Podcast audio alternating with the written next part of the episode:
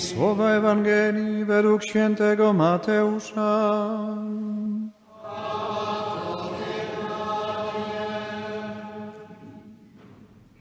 Gdy Jan usłyszał w więzieniu o czynach Chrystusa, posłał swoich uczniów z zapytaniem: Czy ty jesteś tym, który ma przyjść, czy też innego mamy oczekiwać? Jezus im odpowiedział: Idźcie i oznajmijcie Janowi to, co słyszycie i na co patrzycie. Niewidomi wzrok odzyskują, chromi chodzą, trędowaci zostają oczyszczeni, głusi słyszą, umarli z martwych wstają, ubogim głosi się Ewangelię, a błogosławiony jest ten, kto nie zwątpi we mnie. Gdy oni odchodzili, Jezus zaczął mówić do tłumów o Janie, co wyszliście obejrzeć na pustyni? Trzcinę kołyszącą się na wietrze? Ale co wyszliście zobaczyć? Człowieka w miękkie szaty ubranego? Oto w domach królewskich są ci, którzy miękkie szaty noszą. Po co więc wyszliście zobaczyć proroka? Tak, powiadam wam, nawet więcej niż proroka. On jest tym, o którym napisano: Oto ja posyłam mego wysłańca przed Tobą, aby przygotował Ci drogę. Zaprawdę powiadam Wam, między narodzonymi z niewiast nie powstał większy od Jana Chrzciciela, lecz najmniejszy w Królestwie Niebieskim większy jest niż On. Oto słowo Pańskie.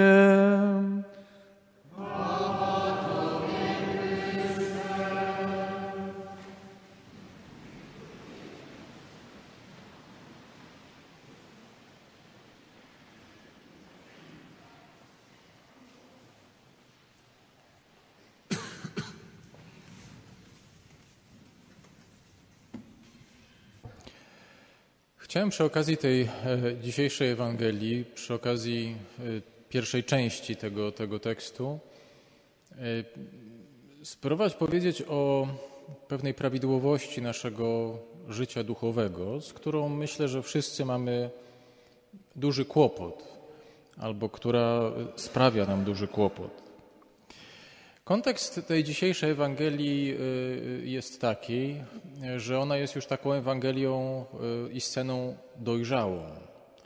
To się już wydarza, oczywiście, że po narodzeniu Pana Jezusa, to się wydarza już wtedy, kiedy Pan Jezus jest dojrzałym mężczyzną, wtedy, kiedy już przyjął chrzest i rozpoczął swoją działalność, jeszcze nie na wielką skalę, ale już pierwsze cuda są za nim.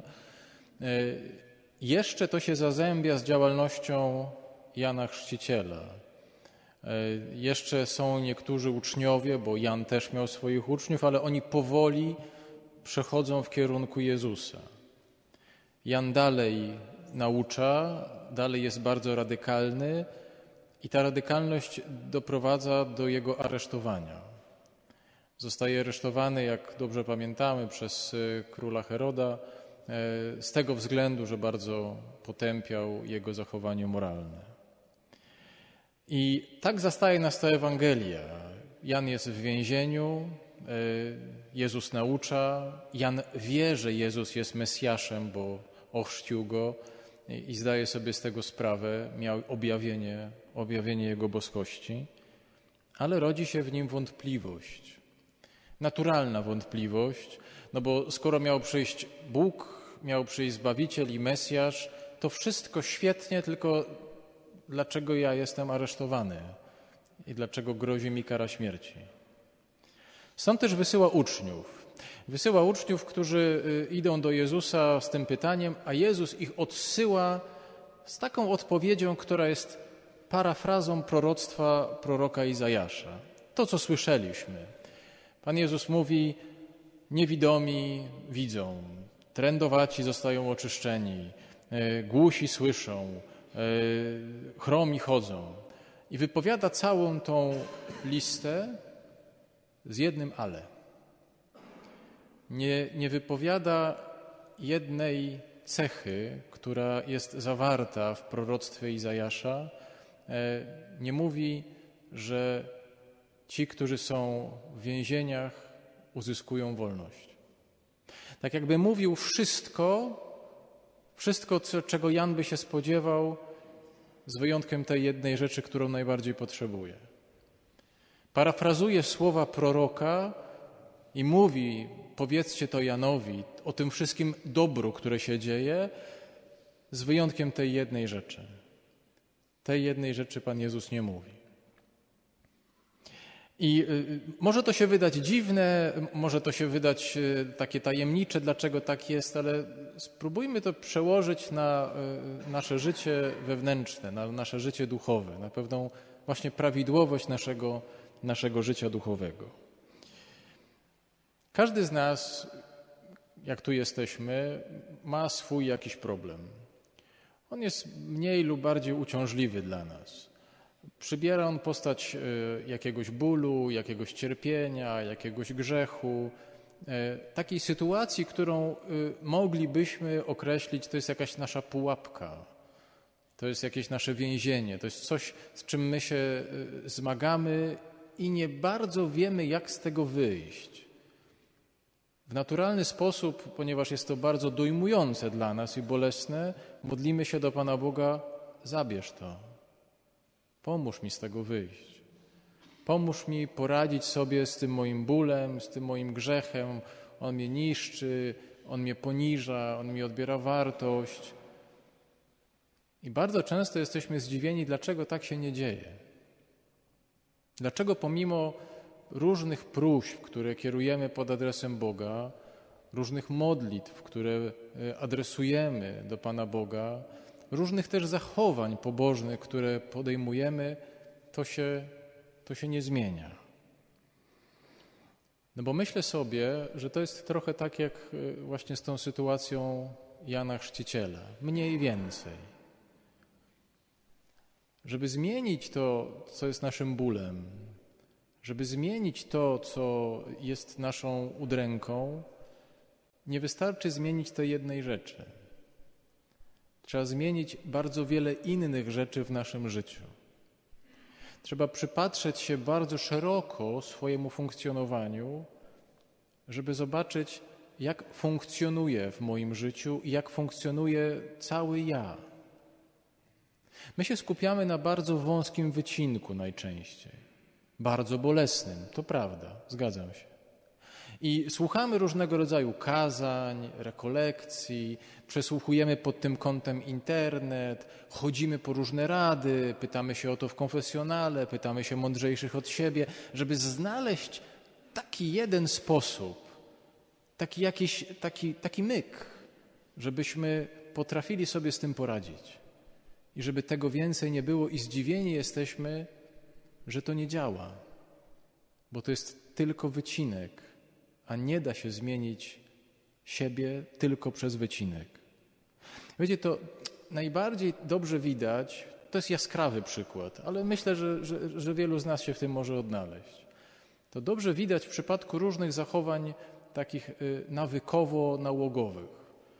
Znaczy, tych, tych wszystkich zachowaniach, w których albo na przykład za dużo się je, albo człowiek przesadnie poddaje się diecie, albo y, używa alkoholu, albo używa pornografii, albo chemii. Znaczy wszystkich takich wspomagaczy, które na dłuższą metę są koszmarne, doskonale zdajemy sobie sprawę, że nic dobrego z tego nie ma. Próbujemy to od siebie odciąć, próbujemy to z siebie wyrwać. Na różne sposoby próbujemy też ze sobą się w tym ułożyć i nic. No bo nie widzimy tej całej reszty. Bo zachowujemy się w taki sposób, że mówimy, Panie Boże, tą jedną rzecz to byś mi zabrał, a cała reszta to niech zostanie tak, jak jest. To, że pracuję na pięciu etatach, to, że daję 230% normy codziennie, to, że y, wykańczam się, to, że nie mam czasu dla siebie, to, że e, absolutnie ryję nosem codziennie od 6 do 24, to wszystko to zostaw. ale tą jedną rzecz mi zabierz, bo ona mnie strasznie męczy. Zachowujemy się trochę w takiej schizofrenii duchowo-życiowej, y, myśląc sobie, jak tej jednej rzeczy nie będzie, to wszystko reszta jest ok. No właśnie ta jedna rzecz jest oznaką tego, jak bardzo nie jest z nami ok. Jak bardzo stworzyliśmy taką formę naszego życia, która trzeszczy ze wszystkich stron i ten jeden nawyk, ten jeden wspomagacz, który mamy, pozwala nam jakoś funkcjonować. Pozwala nam funkcjonować koszmarnie. Pozwala nam funkcjonować w sposób niezwykle zły, bolesny, ale żeby dawać siebie 300%, no to trzeba. Oczywiście powiemy wtedy, no ale to się, to się tak nie da, to się tak łatwo mówi, to się tak nie da. No jak się nie da, no to, to już nie słuchajcie dalej. Jak się nie da, to w porządku. To już mamy to załatwione. Ten moment, który w tej Ewangelii jest pokazany, to jest wejście w taką sytuację przekroczenia takiego myślenia, nie da się, nie potrafię, ja tak mam, tak musi być. Znaczy, jak to przyjmiemy jako dogmat, to tak. To wtedy nie dziwmy się, że, że prosimy o coś i tego nie dostajemy. I mamy takie poczucie, Pan Bóg chyba mnie nie kocha. Albo w ogóle Pana Boga to chyba nie ma. Pan Bóg o mnie zapomniał.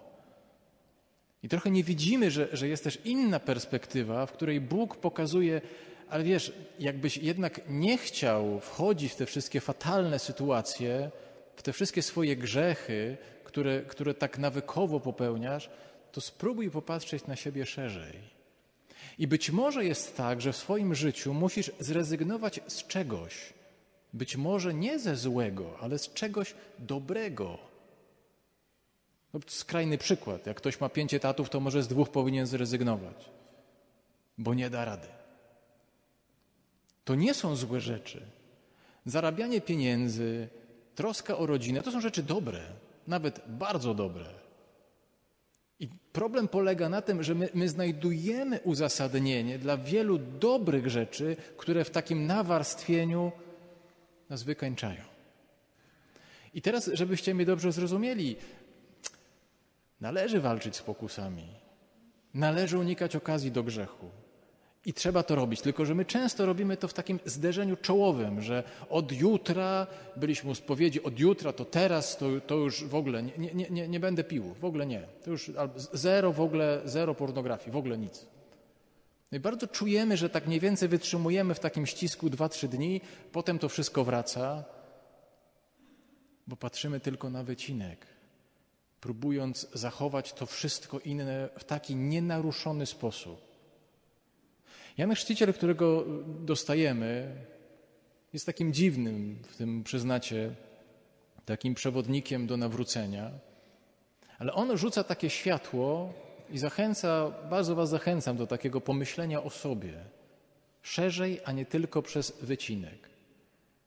Bo ja nie wątpię w to, że jak wszyscy tu jesteśmy, każdy z nas chce się zmienić, chce być lepszy, chce być bardziej Boży, chce, żeby w jego życiu było więcej Ewangelii, więcej e, zadowolenia ze siebie, więcej miłości, więcej Pana Jezusa. I jasne,